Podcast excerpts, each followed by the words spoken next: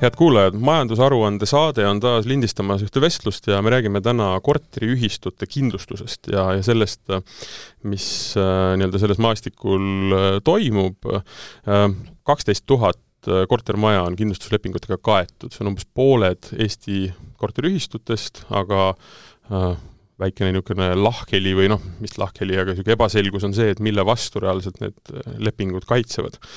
et kindlasti on seal tulekahjud, aga kas seal on ka midagi muud ähm,? hea, et nii palju on, on, on kindlustatud, aga tegelikult annab, annab veel palju paremaks minna ähm,. mul on stuudios täna BTA kindlustuse, varakindlustuse tootejuht Katrin Stöör. tere! ja Eesti Liikluskindlustuse Fondi juhatuse liige Lauri Potsepp. tervist! mina olen saatejuht, ajakirjanik Martin Hanson ähm,. ma alustakski sellise küsimusega, et äh, mida see kaksteist tuhat kindlustatud korteriühistut tegelikult nagu tähendab? Et kas see on nagu ütleme, hea tulemus Eesti suhtes, kes tegelikult, või eestlased ei ole väga nii-öelda kindlustusaltid. ma saan aru, et need numbrid tegelikult kasvavad, sõltuvalt vist kindlustuse tüübist, aga me ei ole nagu niisugused noh, ütleme, Põhjamaadest ei ole vist mõtet rääkidagi. aga mis see number tähendab, on see, on see hea tulemus Eesti kohta? no kui nüüd vaadata üldist arvu, et tegelikult äh, peaaegu enamik kui pooled on kindlustamata, siis mulle tundub, et võiks olla ikkagi palju parem. ja arvestades, kus aeg-ajalt juhtuvad ka suured õnnetused, kus saavad kannatada nii inimesed, nende kodud, et jäävad nad peavarjuta, et siis võiks öelda, et äh, korteriühistute maastikul see kindlustus ei ole piisav varakindlustuse mõttes ja vastutuse kindlustuse mõttes päris kindlasti, et see tuleb ju vaadata, kumba poolt vaadata, et et eh, kui vaadata nende poolt, kes on kindlustanud, siis nende vaates on asi hästi. Aga ülejäänud pooled tegelikult on eh, minu hinnangul väga suure probleemi ees, kui midagi peaks juhtuma ja meie kindlustuse praktika näitab, et paraku kortermajades juhtub suuremaid, väiksemaid asju ja kui juhtub suurem asi, siis need on kindlasti suures hädas, kes ei ole oma maja kindlustanud. üks erisus on vaja muidugi teha, on see, et äh, kortermajad koosnevad korteritest. see number või need äh, nii-öelda protsendid, millest me räägime, ei tähenda seda, et need korterid, mis on nendes majades, ei oleks kindlustatud, eks ju. Äh, või seal on protsendid hoopis teised, mis tähendab seda, et me räägime sellest, et korterid võivad nendes majades olla kõik kindlustatud, aga maja ise ei ole kindlustatud mis seal see oluline nagu erisus on, et me ju kõik, me siin äh, nii-öelda eetriväliselt ka korraks äh, rääkisime sellest, et et noh, kõik arvavad, et teed oma kodukindlustuse, kindlustad ära ka asjad seal sees ja siis mõtled, nüüd ongi kõik hästi. aga mhm. -huh. tegelikult ju, tegelikult ju päris nii ei ole ei ole. korteri kindlustamise korral on siis noh, kui vaadata nüüd korterelamut ja inimene kindlustab ära oma korteri, siis on tal kindlustatud tema nii-öelda korteri siseviimistlus ja, ja tema asjad seal sees, kui ta on kindlustanud ära oma koduse vara, aga kõik, mis, millest nii-öelda hoone koosneb, et hoonel on katus, hoonel on torustikud, mis teenindavad kõiki kortereid hoones, välised kandvad seinad, sisekandvad seinad, vundament, et vot seda korterikindlustus ei mhm, kata. -hmm. et põhimõtteliselt, kui nüüd juhtub korterelamus mõnes korteris tulekahju, saab kannatada seal, katus põleb ära, siis äh, korterite kindlustamisest ainult ei piisa. et siseviimistlus on küll kaetud, tema esemed võib-olla ka mhm, korteriomaniku omad, aga, aga katus on kaitseta. ja et sul ei ole seda kohta, kuhu oma korterit taastada. absoluutselt seda lihtsalt ei ole olemas. jaa, kui mina olin äh, algaja kindlustustöötaja, kindlustusagent, siis läksin ühte korterit kindlustama ja korteriomanik minu käest küsis, aga mis siis saab, kui trepiga midagi juhtub, et see korter oli kolmandal korrusel, et minu kodu ei saagi kannatada, aga mis juhtub siis, kui majal treppi enam ei ole, et kui ma koju ei pääse. nii et noh, see on seesama näide, et kui mm -hmm. ühistu ei ole maja kindlustanud, ega sellest korterikindlustusest siis abi ei ole tervikuna peaks olema kindlustatud nii korter kui ka mm -hmm. ühistu poolt maja. ja korteri või ütleme siis äh, selle äh, hoone kindlustamise kohustus on ühistul? jaa, keegi teine seda teha ei ja. saa, et kui me räägime korterelamust, siis kindlasti ühistu. aga kuidas sellega on lugu, lihtsalt, et saaks, saaks nagu aru, et kuidas see loogika käib, et kui ma võtan laenu ja ostan korteri, siis on mul tegelikult nagu panga poolt kohustuslik kindlustus peal. Äh, kui meil on tegemist uue majaga, kus korterid on müüdud, siis tegelikult seal ju sellist kohustust kas saab olla või ei ole? no liisinguleping või vabandust, laenulepingust tulenevat kohustust ju olla ei saa, mhm. laenulepingust tulenev kohustus saab olla ikkagi ainult see korterikindlustus. aga see tähelepanek on õige. Äh, korteriomanik peab siis äh, ühistu käest nõudma, et äh, terve maja oleks kindlustatud, sest muidu sisuliselt võib juhtuda selline olukord, kus korterit ei ole, maja ei ole, küll on siseviimistluse raha, aga kodu ju ei ole, noh see on see probleem, et et ega siis raha ei asenda seda kodu. nii et eh, noh, seda tuleb vaadata ühe tervikuna ja kindlasti iga korteriomanik peaks eh, küsima ja nõudma ühistukindlustust. Sinna ma nagu natuke tüürida tahtsingi, et võib-olla tekib niisugune võlts turvatunne, et ma olen ostnud korteri, pank ju võtab mult iga kuu nii-öelda kindlustuse jaoks eh, nii-öelda äh, või kindlustuse eest tasu, ma mäletan oma korterite puhul on mu käest küsitud, et noh, et, et iga aasta teeme uue lepingu, eks ju, et, et ma olen alati lükanud kõik maksimumi, noh, ütleme noh, piltlikult, eks ju. Äh, aga, aga reaalselt ikkagi väga sellele ei mõelnud, et äh, kas see maja ise või see hoone ise on kindlustatud. et sinna ma tahangi tüürida, et seda võlts, äh, niisugust turvatunnet tegelikult tuleks, seda ei tohiks tekkida, et seda peaks vaatama palju laiemalt, on ju. küsima oma ühistu käest, kas on hoone kindlustatud ja mille vastu, mis on veel hästi oluline. jaa, kindlasti.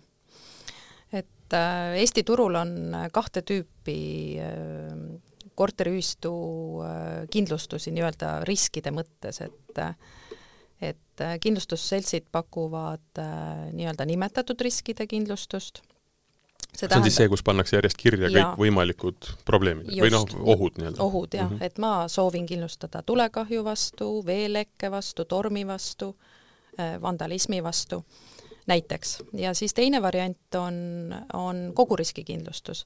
ja koguriskikindlustus äh, tähendab siis põhimõtteliselt äh, seda, et äh, on kindlustatud kõige ootama ja ootamatu ja äkilise vastu, ainult tuleb tutvuda kindlasti välistustega, et mis on siis iga kindlustuslepingu tingimustes kirjas.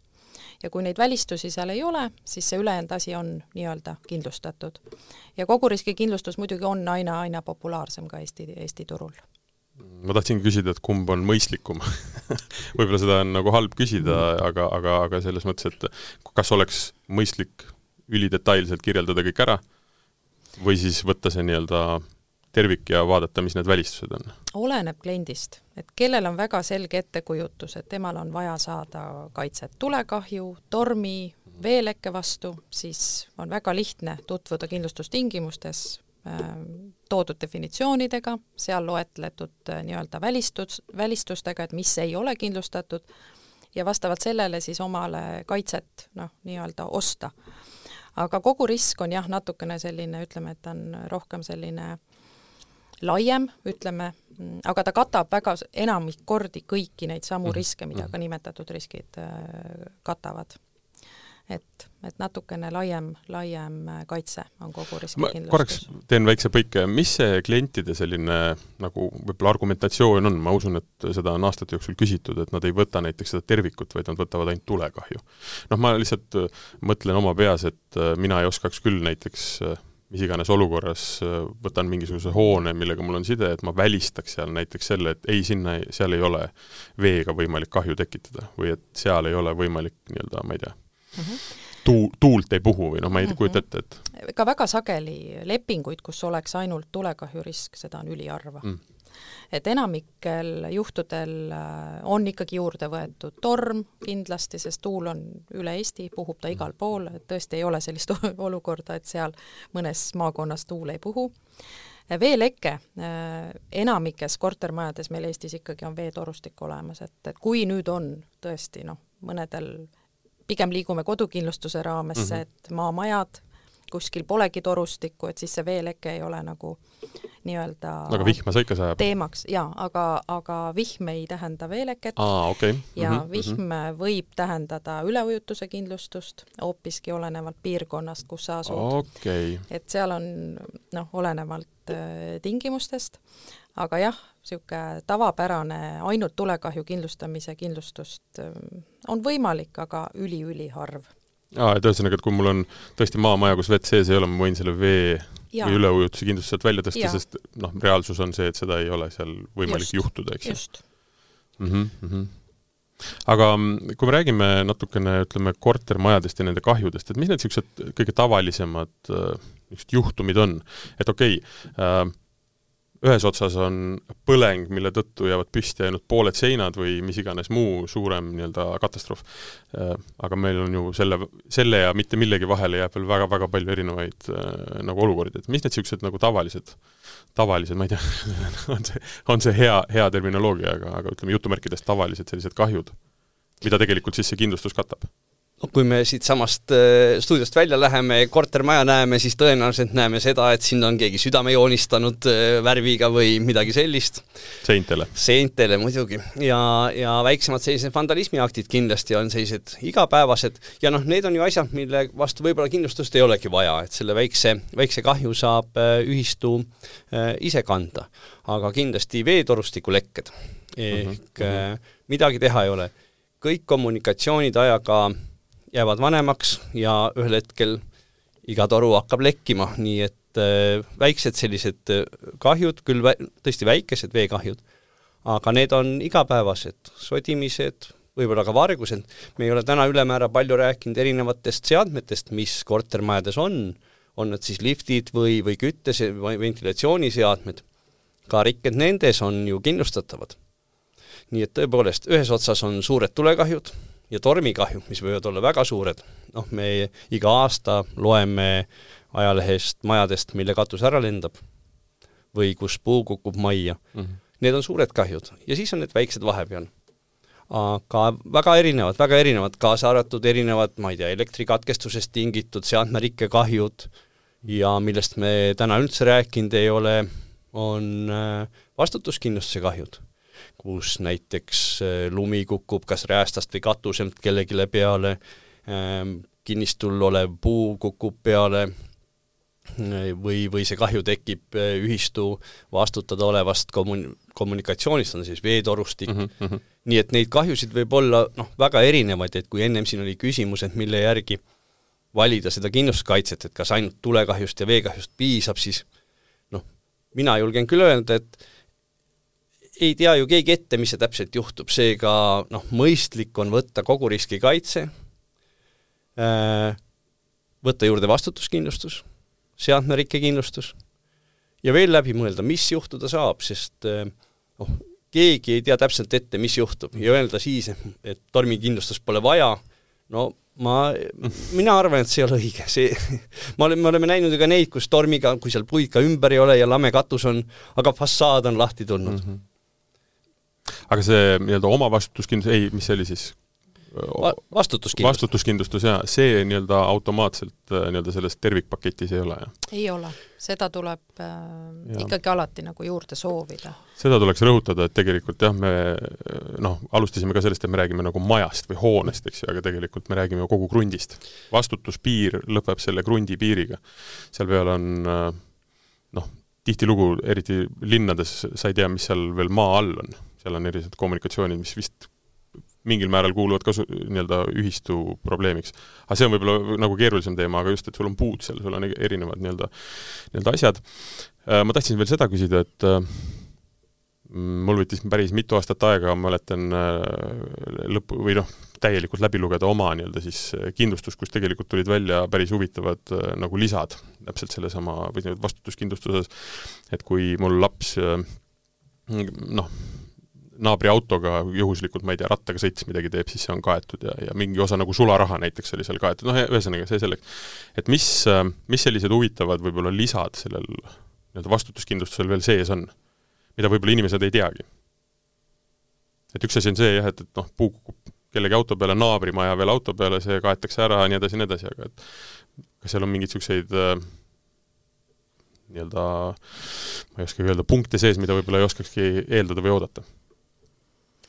Korteriühistute vastutuskindlustuse korral seal ei ole eriti midagi mm., me ikkagi räägime hoonest, ühistu vastutusest, et ühistu peab hoidma oma nii-öelda hoonekarpi korras, et sealt ei kukuks jääpurikaid, et sealt ei mhm, lendaks mm -hmm. ära osi ja, ja seal nii-öelda ühistu korral seal ei ole nagu ekstra midagi mhm. sellist, nagu te nimetasite.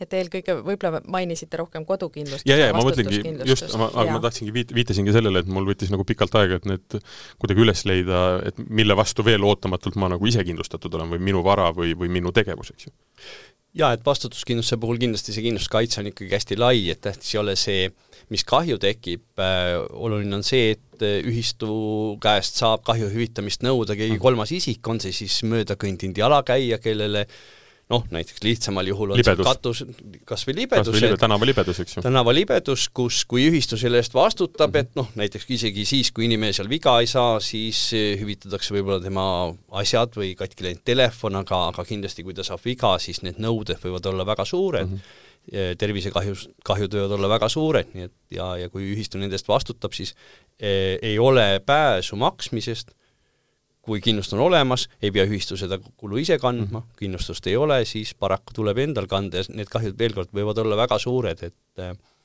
ja, ja, ja seal ei ole seda piirangut, et, et ühte kahju hüvitatakse või mitte, oluline on see, et ühistu käest saab selle kahju hüvitamist nõuda. aga kuidas on äh, vargustega? see on kindlasti veel järgmine nii-öelda tase, eks ju, põhimõtteliselt ühistu saab ju varguste vastu ka ennast äh, kindlustada. Aga see jälle ei lähe, ma kujutan ette, selle nii-öelda tervikpaketi alla? seda tuleb eraldi vist äh, siis nagu küsida või, või kirja panna? kui on kogu riskikindlustus, siis ei ole vaja eri, mm. eriti noh, eraldi niimoodi välja tuua, aga vargusi juhtub, käiakse sees ju boksides mm, -hmm. lõhutakse seal uksi, et noh, aina, ütleme, et aina võib-olla praegusel ajal kuidagi aina ka sagedamini on selliseid juhtumeid, et äh, kus äh, nii-öelda varguse vastast kaitset kindlasti oleks vaja. et olenemata sellest, et uksed on kõik kenasti suletud, võtmeid ei ole jaotatud, aga ikkagi äh, neid asju juhtub ja lõh-, samuti lõhkumisi, et keegi proovib midagi varastada, lõhutakse mõni uks mm -hmm. ära. et äh, jah, eraldi niimoodi äh, seda kaitset kogu riskikindlustusega nagu võtma ei pea, et see on juba seal mm -hmm, sees, mhm. et et enamik niisugune põhiriske kogu riskiga on, on äh, kaitstud no miks ma sellest, äh, miks ma neid asju küsin, ongi see, et et noh, loomulikult inimesed saavad aru tulekahjust, saavad aru veekahjustustest, saavad aru noh, tormist, eks ju, aga, aga noh, argipäeviti või noh, ütleme, juhtub ju väga palju erinevaid asju, mille, mis kõik on kulu lõpuks. et noh, tegelikult see saab, saab selle kõik nagu ära katta, kui lihtsalt äh, teha hea kindlustus ja see on võtmeküsimus, mis on see hea kindlustus ja kuidas tahtsingi, seda teha et... siit ma edasi tahtsingi minna, et küsida, et mis asi, milline on see ideaalne kindlustus siis korter, kortermajale? et milline, mille, ütleme siis, et mismoodi, mis, mis eelduste, soovide ja jutuga peaks näiteks kortermaja esindaja tulema kindlustusseltsi, ütlema, et nii, nüüd hakkame kirja panema? Juba see, et Äh, minnakse kindlustusseltsi kohale ja nüüd hakkame kirja panema, on tegelikult õige, õige nagu märkus, et võib-olla tõesti me tänapäeval ei käi kohal, aga aega tuleb võtta. kindlasti kiirustades ja üksnes näiteks kindlustusmakse suuruse järgi kindlustust valides on tulemuseks halb kindlustusleping. Tuleb võtta aega ja süveneda ja kindlasti ei tohi kindlustuslepingut lugeda pärast selle sõlmimist, vaid ikkagi enne, kuigi tõsi, praktikas tehakse pärast. aga ma, mina julgustan küll aega võtma kindlustamist ei saa kiiresti teha. ja esimene asi on läbi mõelda, läbi arutada ja paratamatult jõutakse selle käigus selleni, et mida laiem see kindlustuskaitse on, seda parem. aga oluline on võrrelda erinevaid eh, kindlusteenuse pakkujaid. Need vahed ei ole küll suured kindlustuskaitse sisus, aga nad siiski on olemas mm. -hmm. ja kiirustada kindlasti ei tohi. ja tuleb selgeks teha, noh, milleks seda kindlustust vaja on? kõige lihtsam asi on kindlustussumma. kui me räägime, noh tõesti, on äärmiselt lihtsustatud näide, aga kui me räägime sellest hoone karbi kindlustamisest, siis kindlustussumma on see summa, mis on siis maksimaalne hüvitis ja tulebki mõelda niimoodi, et mitu eurot kulub selleks, et see hoonekarp taastada.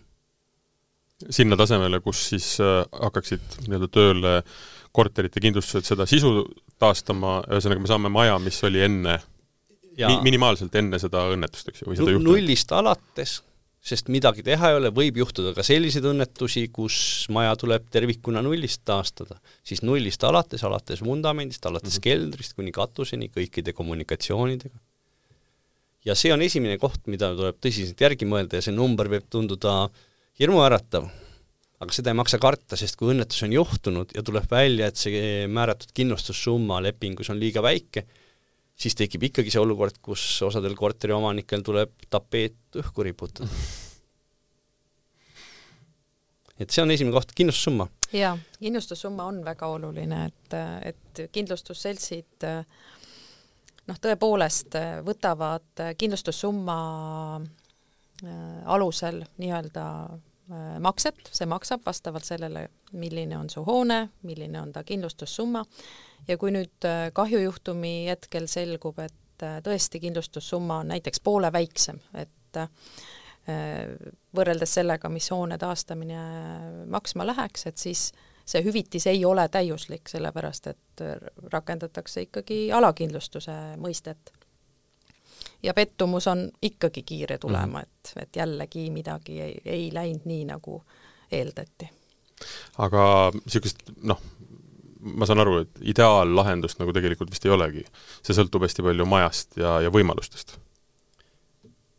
selle viimase osas ma julgeks küll vastu vaielda. võimalused siis, kui palju kindlustusmakset on inimestel raha mm -hmm. maksta, no selle järgi ei saa kindlustust valida, siis jääb ka kaitse poolikuks mm. -hmm maksad vähem, saad vähem, ega see kehtib igal pool, kaasa arvatud kindlustuses niimoodi. kui sa ei maksa kogu asja eest mm, -hmm. noh siis ei saa pärast kogu hüvitist ka ja see on probleem tegelikult, sest saamata jääv hüvitis on palju suurem kui, kui see summa, mis tuleb ju kindlustusmakseks maksta et siin nii-öelda äh, meie siis ühest olulisest äh, nii-öelda raamatust Kevadest võetud nii-öelda tarkus, et pool rehkendust kui tervet ei jõua, antud kontekstis see ei päde, eks ju, et me kindlustaks ära ainult selle, et saame maja püsti. noh, tegelikult katus jääb panemata piltlikult, eks ju. et tegelikult tuleb ikkagi vaadata sellest, et on, saab täielikult taastada absoluutselt, sest äh, kindlustusest on kasu siis, kui, kui kindlustus maksab kogu hüvitise mm, -hmm. aga kindlustus maksab hüvitise siis, kui kindlustussumma on piisav. Ja nüüd, kui me oleme selle nii-öelda numbri teada saanud, selle nii-öelda ära fikseerinud, et me tahame sellist tulemust saada, siis hakkavad järjest need küsimused, et et mis siis peab juhtuma, eks ju. ehk et siis tulekahju, seesama veekahjustus, tormid, need on veel siis nii-öelda lisaks. ja need ju tegelikult ka mõjutavad seda summat, eks ju kui me räägime nüüd nagu rahalisest, rahalisest panusest igakuisest?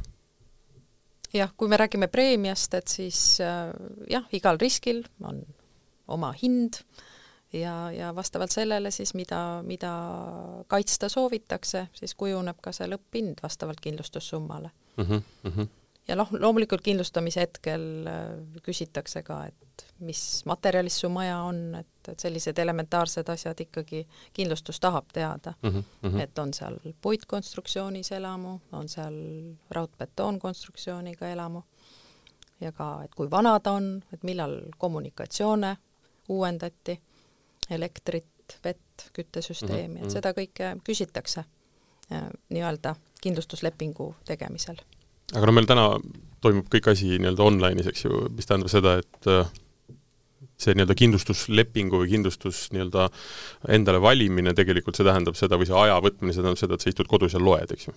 Ja, ja vaatad ja siis teed erinevates, noh, kõikidel seltsidel on ju kalkulaatorid kodulehel, saab seal lisada, võtta maha, ühesõnaga arvutada. Äh, kui palju on seda, et reaalselt tuleb teil inimene kohale, kui näiteks kliendil on soov, et vaadata mingi asi majas üle, et kas see on okei okay,, ma ei tea, noh et et kas see või too või kolmas asi võiks saada kindlustuse siis äh, nii-öelda makse puhul äh, pro-, probleemiks või takistuseks? No sellist kohalkäimist Eesti turul täna praktiliselt ei ole, aga mhm. üks asi küll, et äh, telefon et kin-, enne kindlustuslepingu sõlmimist kindlasti noh, kui vähegi jääb küsimus õhku või seda valikut ei oska seal veebis teha, siis kõik kindlustusandjad nõustavad telefoni teel ja see on küll see, mida ma julgustaks äh, äh, klientidel äh, rohkem kasutama. kindlustus, noh, ma olen aastaid kindlustuses töötanud, kindlustus on oma olemuselt keeruline ja mingi häbi ei ole helistada ja küsida ja seda teha enne kindlustuslepingu sõlmimist, ennem kahjujuhtumit sest pärast kahjuks on hilja. mina teeksin seda kõike niipidi, et mõtleks välja või arvutaks välja sobiva kindlustussumma ja võtaks kõige laiema kaitse ja vaataks siis, kui palju kindlustusmakset tuleb elanikel selle kindlustuse eest maksta ja siis esitaks kindlustaja endale küsimuse, kuidas seda makset väiksemaks saab, juhul kui korteriomanikel pole nii palju raha mm -hmm. või nad mhm. ei soovi nii palju maksta. näiteks võib tõsta omavastutust äh,. Igas kindlustuslepingus on kokku lepitud omavastutus, mis jääb kahju korral siis äh, ühistu enda kanda, aga kui ühistu tahab suurte kahjude vastu kindlustust, siis see omavastutus võibki olla äkki viis tuhat või ka kümme tuhat või miks mitte ka kakskümmend tuhat eurot.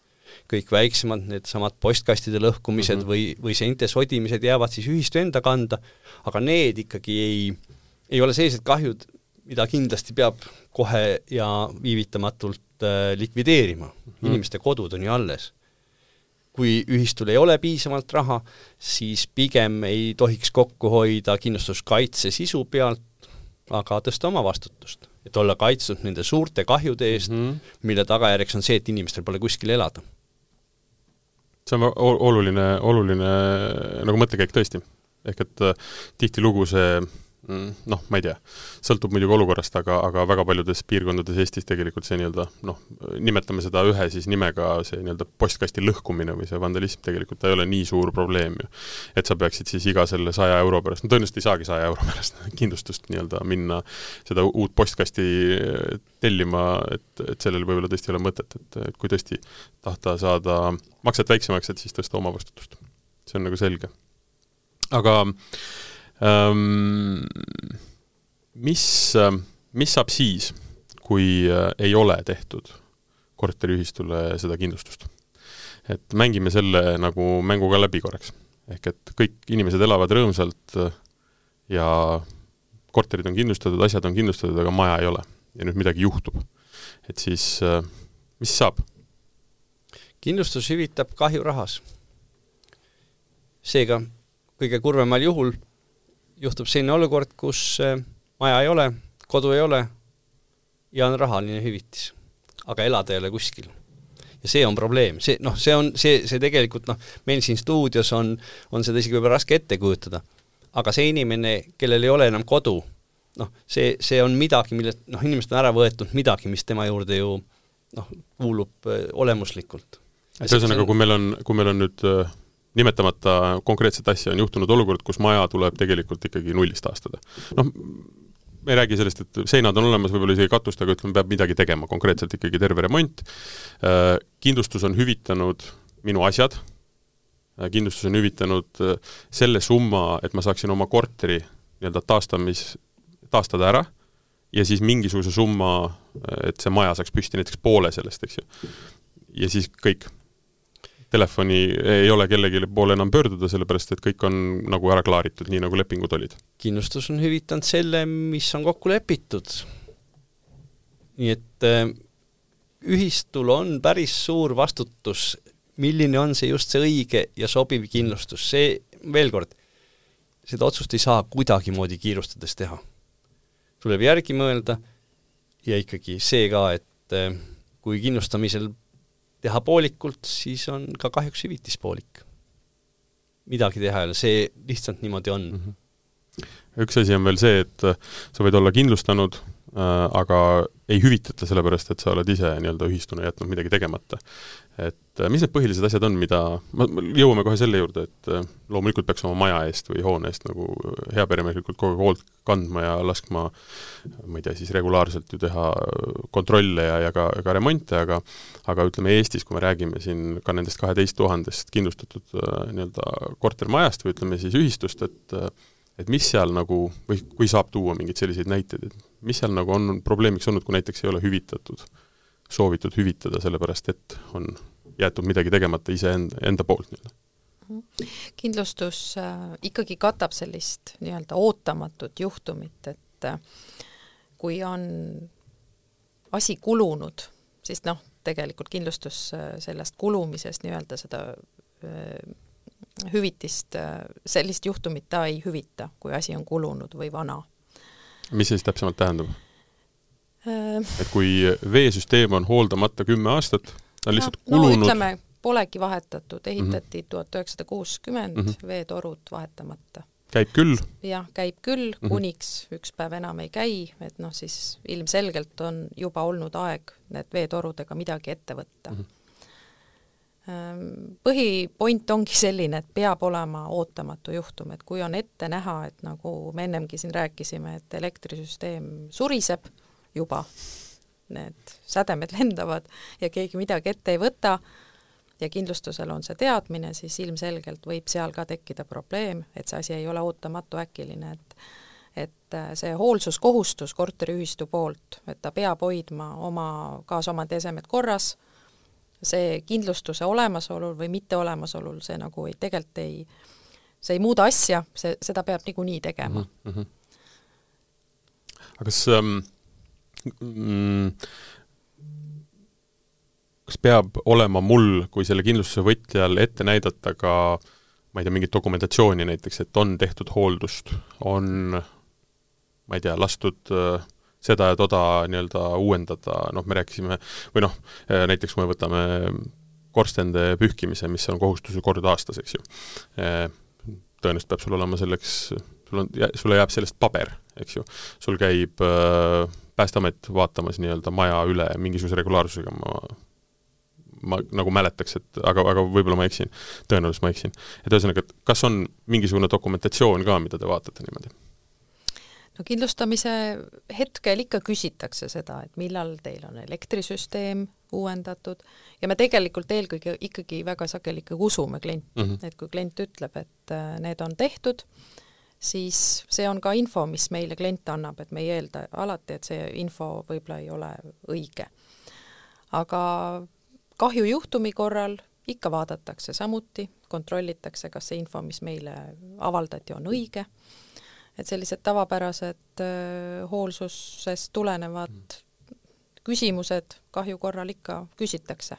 ja no ma kujutan ette, et kui tuleb, tuleb nii-öelda see, kuidas seda nüüd nimetatakse, kahju noh, tuleb vaatama, nii-öelda hindama seda kahju äh, olukorda, et äh, nende kogemus on selline, et nad näevad läbi sellest, kui neil on nii-öelda jutumärkides pada aetud, et äh, kuuekümne neljanda aasta veetorustik ikka sai üheksakümnendatel nagu vahetatud, noh reaalsus on, et ei saanud, eks ju. No muidugi, kui tuleb kahjukäsitleja kahju vaatamist, siis tema esimene asi ikkagi on see, kuidas moodi seda kahju hüvitada, et ta ei tule sinna kohale selleks, et otsida, otsida, otsida vigu, vaid ta tuleb kohale selleks, et hinnata seda kahju ja, ja eesmärk on ikkagi see kahju hüvitada. see, et mõnikord selle tegevuse käigus selguvad ka asjaolud, mis on aluseks sellele, et kindlustushüvitist vähendada, seda tuleb ette, aga seda tuleb tõesti harva ette et pigem see kahjukäsitleja läheb kohale ikkagi selleks, et võimalikult kiiresti inimeste kodud taastada. ja ma maalisingi võib-olla noh, lubamatult musta pildi sellest kõigest, et et nüüd kõik, kes kuulavad, et ärge ära ehmatage, kindlasti minge kindlustama, sellepärast et noh, okei okay,, see võib-olla ka kõlab nagu trafaretselt ja võib-olla lapsikult, aga kindlustaja on teie sõber. ega ta tahab ikkagi head ja pigem seda, et see hoone saaks noh, elamisväärseks, te saaksite oma koju tagasi, eks ju aga jaa, aga kindlasti, ja aga see mõte või küsimus ikkagi, et et mida ühistu peab tegema, äh, on, on ikkagi asjakohane, sellepärast et äh, noh, kindlustuskaitse ei al-, ei lõppe kindlustuslepingu sõlmimisega. vaid igal ajahetkel tuleb vaadata, mis seal lepingus kokku lepitud on. kindlustuslepingus lepitakse kokku, et kui juhtub juhtum, siis kindlustusandja hüvitab kahju. aga ka kindlustusvõtjal, et tänase jutu kontekstis ühistul on oma kohustused ja need on seal lepingus samamoodi kirjas, neid ei mõelda välja noh, hiljem ja neid kohustusi ei tohi unustada. ehk kindlustuslepingut sõlmides tuleb vaadata, mida kindlustusandja lubab. Aga tuleb teist poolt samamoodi vaadata, mis tingimused peavad olema täidetud mm -hmm. selleks, et kindlustusandja oma lubadust äh, täidaks.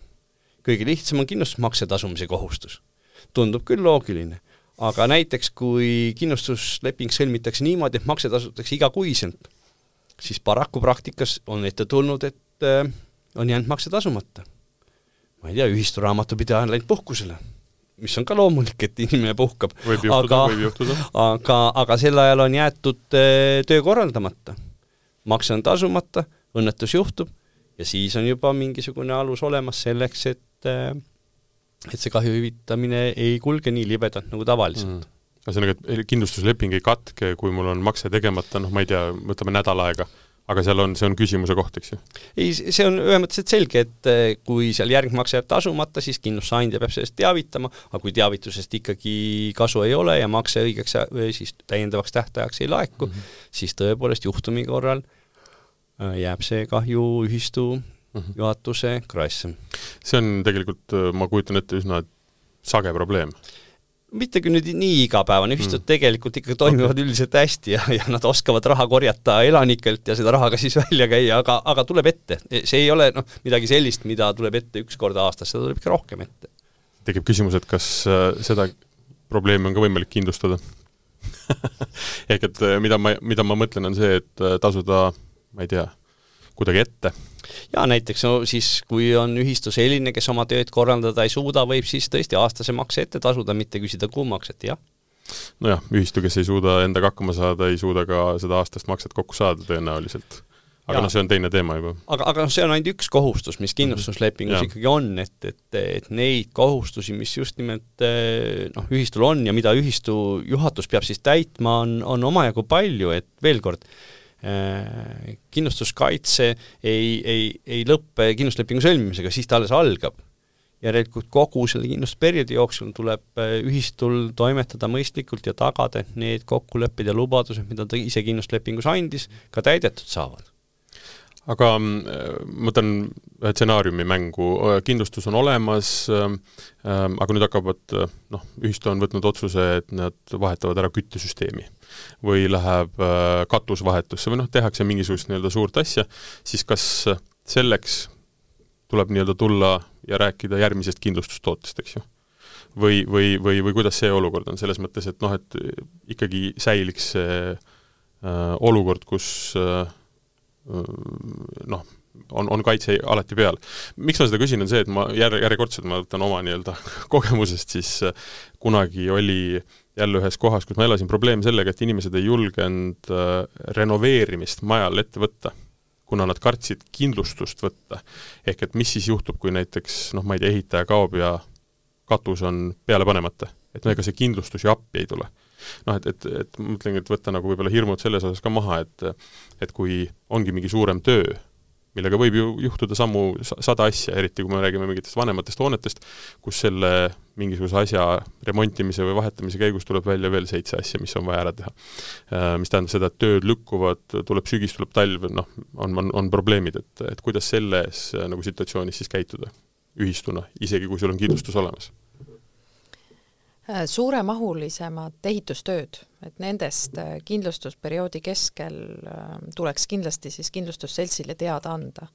automaatselt hakata ise tegema, lootes, et ma olen kindlustuse teinud, see kõik katab ja hoiab? ei, ei, ei, see ei, ei, see ei ole nii. et kindlasti, kui nüüd tuleb katusevahetus, siis kindlustusselts, kes kindlustuslepingu sõlmis, oletame mõned kuud tagasi, polnud teadlik sellest, et hoonel mingi hetk võib-olla katus on pealt ära või et seal toimetavad ehitajad. et nendest äh, sellistest suuremahulistest asjadest tuleb anda teada ja siis kindlustus, noh, tavaliselt piilab, piisab äh, selle, äh, sellest nii-öelda e-kirjast, et meil on plaanis selline asi, küsitakse võib-olla tööde maksumus, küsitakse, kes ehitaja on mm, -hmm. ja siis öeldakse omad, et milline kaitse kehtib, kas kitsendatakse kaitset, kas suurendatakse omavastutust ja, ja või muud niisugused asjad, aga, aga üldiselt jah, need, nendest asjadest tuleb anda teada mm -hmm. kindlustuslepingu kehtivuse jaoks. et siis eraldi veel lisakindlustust ei ole vaja näiteks sellistes olukordades tulla tegema, vaid tuleb lihtsalt arutada oma kindlustusandjaga? no mina mina igalt ehitajalt, keda ma enda maja peale nii-öelda laseks, küsiks omakorda, et, et kas temal on see ehitustöö mhm, kindlustatud, mhm. et noh, see on juba nii-öelda teiste toodete teema, aga aga ka selle vastu, et ehitaja süül midagi juhtub, on võimalik ehitajal ennast kindlustada mm, -hmm. et ta sellele hoonele midagi nagu põhjustab. aga et noh, iseenesest kui hakata midagi ehitama, sul kindlustus on olemas, siis mingi nii-öelda tagala on olemas, eks ju? jaa, jaa, kui sa oled sellest teada andnud mm, -hmm. et see on tavaliselt kindlustusriski suurenemine, seda loetakse mm -hmm. niimoodi ja siis tuleb anda teada. et see on üks suurepärane näide sellest, mis kindlustuslepingus on kokku lepitud, mis noh, kogu kindlustusperioodi perioodi jooksul peab see ühistu juhatus olema teadlik sellest, et kui nad alustavad suuremaid töid või või noh, mingi teine näide, kus näiteks on selline kortermaja, kus esimesel korrusel on mingid äripinnad ja kui sul äripinnal see tegevusala vahetub, muutub, siis see on ka kindlasti asjaolu, millest tuleb teada anda oma kindlustusele. ehk veel kord, kindlustuslepingust tuleb ühistu juhatusel välja kirjutada need punktid, ja need on lepingus ju täpselt kirjas, mida nemad peavad kogu kindlustuse kehtivuse aja jooksul tegema või järgima või mhm. tagama, et see kindlustus päriselt ka töötaks. see on jälle huvitav mõõde, ma selle peale jah ei mõelnud, et äh, meil on ju nii-öelda hooned ei ole ainult äh, nii-öelda ühe otstarbega tihti või ka ütleme, kui me räägime suuremast, äh, ütleme siis äh, noh, kinnistust, et seal võib ka olla ju, keegi ajab äri seal on mingi garaaž näiteks, eks ju, tehakse seal mingeid asju, et noh, need on jälle asjad, mis tuleb, tuleb kõik nagu läbi rääkida, sest seal on jah, erinevad riskid tekivad sellest mm. -hmm, mm -hmm. just. aga mis, ähm, kui nüüd ähm, ütleme, on küsimusi siis või, või noh, mis on nagu põhilised vaidlused, äh, mis on ühistute ja siis kindlustusandja vahel, kui, kui on midagi nagu juhtunud või, või kui on, on nii-öelda vaja suhelda?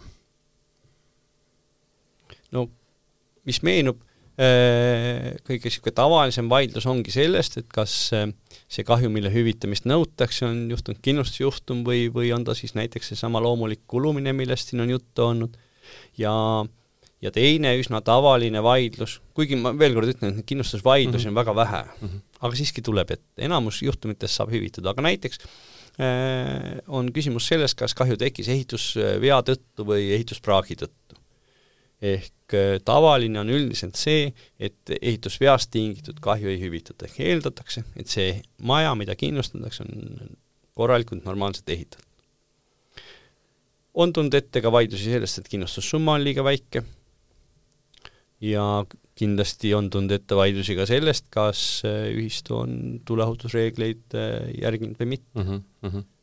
aga veel kord, neid vaidlusi noh, tuleb ette Äh, aga neid on ikkagi vähe, enamik julgelt üle üheksakümne viie protsendi juhtumitest saavad lahenduse ilma igasuguse vaidluseta. ja mõnikord noh, ka ühistu nõuab võib-olla tööde tegemist, mida, mida ennem seal ei olnudki ehk paremat lõpptulemust, kui, kui maja oli nii et aga, aga veel kord, need on üksikud juhtumid, aga tuleb ette ja kui tuleb ette, siis üldiselt saavad kindlustusandja ja, ja ühistu omavahel need asjad lahendatud. ja kui ei saa, siis saab pöörduda Kindlustusseltside Liidu juures tegutseva lepitusorgani poole ja seal lõpeb enamus vaidlusi kokkuleppega. nii et üldiselt ähm, ühistud on äh,, nagu me ka mainisime, hästi juhitud ja tegelikult inimesed tegelevad seal et noh, arvestades, et kui neid vaidluseid ei ole, siis noh, väga suuri nagu möödalaskmisi tavaliselt ei ole, ma saan aru? jah, see niimoodi on, aga siiski mõned üksikud olukorrad on ka teistsugused ja see on küll see koht, kus ikkagi ma tahaks meelde tuletada, rõhutada ühistu juhtidele, et noh, kindlustuslepingu sõlmimisse tuleb suhtuda väga tõsiselt ja tuleb järgida seda, mis seal, mis seal kirjas on, et see suhtumine, et kindlustus on tehtud, et las ta nüüd olla, noh siis paraku need on just need juhtumid, mil äh, see niisugune mhm. hoolimatu käitumine pärast kätte maksab ja ja majaelanikud on, on pikalt kodudeta. aga siit siis konkreetne küsimus, konkreetne soovitus teie poolt, et kui tihti peaks vaatama oma lepingu üle? Kui mina oleks äh, korteriühistu juhatuses, siis äh, kõigepealt ma süveneks väga tõsiselt enne lepingu sõlmimist ja siis ma teekski endale me-, meelespea, seal on erinevaid äh, ju kohustusi, mida ühistule pannakse. Ja eks need perioodid ole erinevad, aga ma paneks oma töölauale tõesti meelespea. kui seal on, ma ei tea, maks, kindlustusmakse tasumise kohustus, siis kontrollikski seda, kas see on, kas siis on iga kvartal, iga kuu või korra aastas ja teeks iga selle kohustuse juurde selle vastuse enda jaoks, et mida mina ühistu äh, juhatuse liikmena -hmm. olen teinud selleks, et seda kohustust täita. ja kui on mõni selline kohustus, mille kohta ma kirjutan, et ma midagi ei tee, noh, järelikult see on juba ohukoht. järelikult seda tegelikult keegi ei järgi no see on jah see pool, et mina kui nii-öelda korteriühistu inimene vaatan, et minu maja noh, niikuinii oleks korras ka elamiseks, eks ju, ja siis ka, et ta vastaks sellele nende kindlustuslepingule, aga ma mõtlen, et konkreetset lepingut, mis iganes äh, võib juhtuda, eks ju, äh, kas summat peaks suurendama, vähendama, ma ei tea, meil juhtub elus erinevaid asju, et kas iga aasta peaks korraks selle üle vaatama? kindlasti, lepingu pikendamisele tuleb võtta ka oma aeg mm -hmm. ja, ja süveneda samamoodi, nagu oleks esmakordne leping, sest noh, elu muutub kiiresti. Siin on olnud suured nii-öelda hinnatõusud ehitussektoris, üleüldse meil inflatsioon on suur, et äh, kindlustussummale keskenduda, kindlustuskaitsetele, et kas on midagi muutunud, kas on midagi mm -hmm. uuendatud perioodi jooksul, et, et see on sama nii-öelda aeganõudev protsess nagu iga mm. uue kindlustuslepingu sõlmimine. ja ma eeldan, et kui näiteks ma noh, ühistu nii-öelda esimehena või ühistu äh, nii-öelda esindajana näen majas mingisuguseid probleeme, siis noh, lisaks sellele, et ma võtan kätte ja leian inimese, kes võib-olla selle probleemi nagu lahendaks, mis iganes see on, või, või eksperdi, siis tegelikult samamoodi ma peaksin ka kohe kindlustusega rääkima, et on tekkinud selline asi mitte jätma seda saladusse. või ootama, ma ei tea, asja lahenemist. no ikka kindlustusega ikka ka alati selles mõttes, et, et ühistu juhatus, mida rohkem ta kindlustusega suhtleb, noh, seda, seda muretum tal ikkagi elu on, et et noh, õnneks ju neid kahjujuhtumeid, suuri kahjujuhtumeid on tõesti ju vähe, aga aga ikkagi, kui ühistu juhatus näeb näiteks kas või noh, mingit asja, mida tal noh näiteks mõni tuleohutusnõue on täitmata, ma ei tea, tuleuksed, mis on kohustuslikud, äh, noh, neid ei ole või neid ei saa sulgeda. Äh, loomulikult ühistu peab sellega tegelema, aga see võtab aega, noh midagi teha ei ole, kas kuu-kaks mm, -hmm. aga kui sellest ette teavitada kindlustusandjat, siis kindlustusandja saab seda riski hinnata, võib-olla küsitakse kindlustusmakset juurde, aga kui pärast tekib õnnetus ja, ja, ja selle tõttu on kahju suurem, siis see kahju ikka hüvitatakse. Kui jätta see kõik enda teada, siis võib kindel olla, et äh, nõude käsitlemisel tekib, tekib probleem. kas ähm, ütleme, me räägime praegu konkreetselt korteris, kortermajast, eks ju, me räägime ühest ühistust, üks ühistu on tavaliselt üks maja, eks ju. noh, ta on niimoodi nominaalselt, on üks tükk, on üks maja, eks ju. ehk et äh, noh, kui me räägime nii-öelda nii-öelda magalarajoonidest või nagu elurajoonidest, siis tegelikult seal on väga palju maju koos. Äh, kui me räägime ka eramajadest või noh, väiksematest, äh, kus noh, on ehitatud ju eramaju või neid nii-öelda kortermaju erinevatesse kohtadesse, et kuidas see suhtlemine nagu naabritega peaks käima, kas on võimalik, ma ei tea, koos võtta mingisugust kindlustust või või, või noh, vaadatakse ikka väga konkreetselt seda ühte, ühte ühistut äh, ühe tükina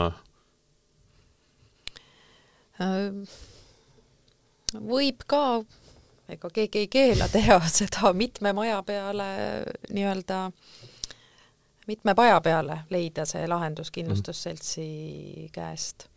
ja võib-olla vahest ongi kindlustusselts äh, vaatab ka suuremat nii-öelda hoonete gruppi, suuremat kindlustussummat, natukene hinnastab teisiti võib-olla kui mhm. mõnda üksikut kuskil nii-öelda et tasub, kui on head suhted, ühine territoorium, kokkupuutekohti, miks mitte. Otsida seda kindlustust äh, mitme maja peale kokku. sest mis ma sellele mõtlen, on see, et äh, ütleme jah, ühistu on üks, tegeleb sinu majaga, noh, ta ongi, tunneb inimesi, oleneb sõltuvalt su-, maja suurusest, eks ju, aga noh, meil on näiteks mingisugused haldused haldusteenust ju pakuvad ettevõtted, keda sa noh, sa ei pruugi seda inimest näha, aga ta tegeleb sinu raamatupidamisega, sa maksad talle igakuist mingit tasu, kas äh, on niisuguseid olukordi ka, kus seesama haldusfirma või noh, mingi samalaadne nii-öelda tegelane võtab kindlustust näiteks suuremale hulgale majadele? sellist, ma saan aru, et äh, et ei ole sellist toodet no,, kui niimoodi ei käituta? tavaline pigem ikkagi on see, et ikkagi kindlustada saab iseenda asju mm, -hmm, et mm, -hmm. et, et selline läbi haldusfirma tehtud kindlustus, noh see, see küsimus seal tekib, et mis see, mis see haldusfirma kindlustuse huvi on, mis on see haldusfirma kindlustusvajadused ja need ei pruugi kokku langeda ikkagi mm -hmm. selle korteriühistu vajaduste ja soovidega, et et ma pigem nagu hoiduks sellisest noh äh, lihtsast lahendusest? Äh, noh, lihtsast lahendusest, kindlustus ei ole noh, selles mõttes midagi sellist, mis sa saad kellegi teise eest äh, lasta ära teha. sellesse paratamatult tuleb ise süveneda. minu hinnangul lasta kellegi teisel see ära teha, siis äh, võib olla nii, et see kindlustus sobib selle kellelegi teisele mm, -hmm. aga, mhm. aga mitte sulle, et äh, maksab ikka ise, ise see asi ette võtta, et, et olla kindel, et sai sõlmitud selline kindlustus, mis endale sobib ma olen terve saade nüüd hoidunud ühest teemast, mis on tegelikult, me korraks natukene selle kallal siin arutlesime, aga on hind ma saan aru, et äh, see on, sõltub noh, sajast erinevast asjast ja iga maja, iga kindlustusleping on eraldi, aga aga kas on võimalik näiteks noh, inimesed kuulavad, tahavad teada umbes, et mis see võiks olla, ütleme, ühe korteri peale näiteks mingisugune normaalne kindlustusmakse, millega võiks arvestada, et mul muresid ei ole? ma saan aru, see on küsimus, millele on väga keeruline vastata, aga võib-olla on mingisuguseid numbreid võimalik öelda? kui me siin räägime numbritest, et siis see võib olla üllatavalt väike, et kuus euro paar, isegi niimoodi mm. -hmm ühes kuus nii-öelda korteri võib-olla kohta, võib-olla ka vähem, oleneb nüüd summast, oleneb nüüd suurusest, oleneb nüüd riskidest. aga me ei räägi siin noh, ütleme niimoodi viiskümmend eurot, kuuskümmend eurot, seitsekümmend eurot korteri kohta mm. -hmm. et äh, kes nagu pelgab, et see hind on väga-väga noh, nii-öelda hirmuäratav, siis tegelikult korterite peale jaotades tavalise, tavapäraselt on need summad tegelikult suhteliselt pisikesed. Mm. No oma sada eurot korteri kohta ma läksingi väga-väga nii-öelda nagu kõrgustesse, aga aga numbrid, mida sa mainisid, ma neid ka ei oleks kuidagi osanud ega julenud nagu öelda, et tõsiselt euro, euro korteri pealt, sõltuvalt siis maja suurusest just. ja, ja kindlustuse siis astmest, ma saan aru? just. Mm.. ja me räägime ikkagi, et pooled Eesti korteriühistud on kindlustamata mulle tundub, et siin võiks hakata sündima uus, äh, uus kindlustusettevõte, mis võtab väga konkreetselt korteriühistud nii-öelda vaatluse alla. jah, kuigi võib-olla ikkagi seda saadet kuulavad nende korteriühistute juhid, kellel kindlustust ei ole ja ja, ja alustavadki sellest, et nad võtavad selle pakkumise, et ega, ega algab ikkagi kõik sealt, et äh, korra vaadata, mis see päriselt see kulu siis ikkagi on võtta seesama pakkumised mõnelt kolmelt-neljalt-viielt kindlustusandjalt, võrrelda neid natuke ja, ja ühistu koosolekul arutada. ja jagada seesama summa kuus korteri kohta ja, ja, ja siis võib-olla kui me aasta pärast näiteks siin räägime, on kakskümmend tuhat ühistut kindlustatud ja ainult kaks tuhat ei ole. no realistlikult mis, mis, mis ütleme, ma olen neid kindlustuse saateid siin ka varem teinud, et mis on alati olnud nii-öelda põhiline nii-öelda nagu võib-olla lõpp, lõppakord on see, et noh, et raha ei saa olla takistus, et sa kindlustust ei võta. sellepärast need summad ei ole suured on küll, summad on suured, aga summad on, kahjude summad on suured. siis, kui õnnetus juhtub, siis on summa suur ja siis on summad nii palju suured mm., et on kortermaju, kus lihtsalt ei olegi seda raha kuskilt võtta aga no, kindlustusmakse, see, mida siis inimesed või korteriühistud peavad kindlustuse mm. eest maksma, siis see kindlasti ei saa olla täna Eestis takistuseks, et kindlustuslepingut ei ole. iga ühistu saab endale kindlustust lubada. aga see on siis ikkagi puhtalt harjumuse küsimus, et seda kindlustust ei ole tehtud või on see, mille taga see on? keeruline öelda jah, et võib-olla noh, ongi, et ikkagi see tea-, teadlikkus on ka puudu, et see on nii kallis, see korteriühistu ja kindlustame oma korterid ära ja küll mm -hmm. piisab mm -hmm. ja saame hakkama, et ja mina olen kuulnud ka lauset, et aga kuule, meil kümme aastat oli kindlustust ja midagi ei juhtunud, et mis me ikka edasi teeme, aga aga kuulge, see ongi ju see koht, mhm. et eh, kui kümme aastat pole midagi juhtunud, siis iga päevaga tuleb see päev lähemale, millal see juhtub, nii et eh, vastupidi, kui ammu pole juhtunud, siis tuleb parem kindlustus ikka võtta ma arvan, et jah, inimesed, kes on selle läbi teinud, peaksid käima nii-öelda rääkimas, et meil ka kümme aastat ei juhtunud midagi aga siis juhtus. ehk et äh, need, kellel ei juhtu ja maksavad äh, nii-öelda kindlustusmakseid, äh, noh, nad on õnnelikud inimesed. et aga, aga see risk on alati olemas ja, ja noh, eriti see, kuhu ma, kuhu ma nende saadetega alati välja jõuan, ongi see, et kui väga paljudes olukordades võib saada hind ja raha nii-öelda takistuseks, siis ma ei näe siin, kuidas see saab olla takistus lihtsalt ongi teadmatus ja võib-olla ma ei tahaks öelda hoolimatus siis? jah, meie oleme ju kindlustustöötajad, meie käest küsida, miks inimesed ei kindlusta, meil on kõik kindlustatud. vastupidi, võib-olla ma ei saa öelda, et liiga palju on kindlustatud, aga kindlasti see on äh, nende jaoks, kes ei ole kindlustanud, mina julgeks küsida, et noh, mille peale te siis loodate. seesama mm -hmm. korteriühistu juhataja, et et kui tuul, torm, tulekahju, veekahju, vandalism juhtub teie majas noh, mille peale te siis loodate, siis on inimestel veel vähem võimalust äh, pakkuda raha selleks, et maja taastada. ja, ja ilmselgelt ega, ega riik ja kohalik omavalitsus ei saa ka sellises mahus appi tulla. see on koht, kus äh, iga ühistu saab iseennast aidata ja see summa, mis tuleb kindlustuse eest tasuda, noh, see ei ole suur summa. et ühesõnaga äh, ära tuleks unustada see, et kindlustamine on kallis, ära tuleks unustada see, et äh niikuinii, kui midagi juhtub, siis ta, tuleb see kindlustus äh, ja ütleb, et ei. Selle, see, see, see, see, see, siin on midagi jamasti, me teile ei kindlusta või, või tähendab, ei hüvita, äh, suur, väga suur protsent, noh ütleme ikka väga suur enamus ikkagi tegelikult hüvitatakse ja ei ole sellega probleemi. Ja mis on veel hästi oluline, on see, et kui sa nagu ise hakkama ei saa, siis saab alati küsida. Saab alati helistada seltsi, kindlustusseltsi ja tegelikult küsida nõu ja, ja, ja, ja selgitatakse need asjad lahti. kui ei ole jõudnud, siis kodulehel nagu ise oma uurimust teha ja no kindlustuse igapäevaelu ja igapäevatöö on kahjude hüvitamine, seda kõik kindlustusandjad esmaspäevast reedeni kogu aeg teevad ja inimesed saavad ja maja, majaomanikud saavad oma hüvitised kätte. Ja teine pool tõesti üleskutse või noh, et ei pea kartma kindlustusandja käest lisa küsida, kui veebis noh, mingi küsimus jääb vastuseta või on ebaselge, pigem rohkem küsida, võtta aega selle kindlustuslepingu sõlmimiseks ja siis tuleb ka korralik kindlustusleping ähm,. Aitäh! oli, oli väga informatiivne saade, ma loodan, et inimesed, kes kuulasid, äh, mõtlevad, äh, mõtlevad järgi. Ja, ja, ja, ja mis, mida mina lähen teen kohe, küsin oma ühistult küll, et mis värk meil on seal. sest et päris ausalt, ma ei tea. ma ei ole seda küsinud, sellepärast et seesama võlts nii-öelda turvatunne, et minul on ju kõik asjad enda järgi ära sätitud, aga ma ei tea tõesti selle maja kohta seda ma lähen teen, vähemalt ühe inimese, üks inimene läheb, teeb nüüd liigutuse, et saab teada, kas tema nii-öelda suuremal korterimajal on äh, kindlustus olemas.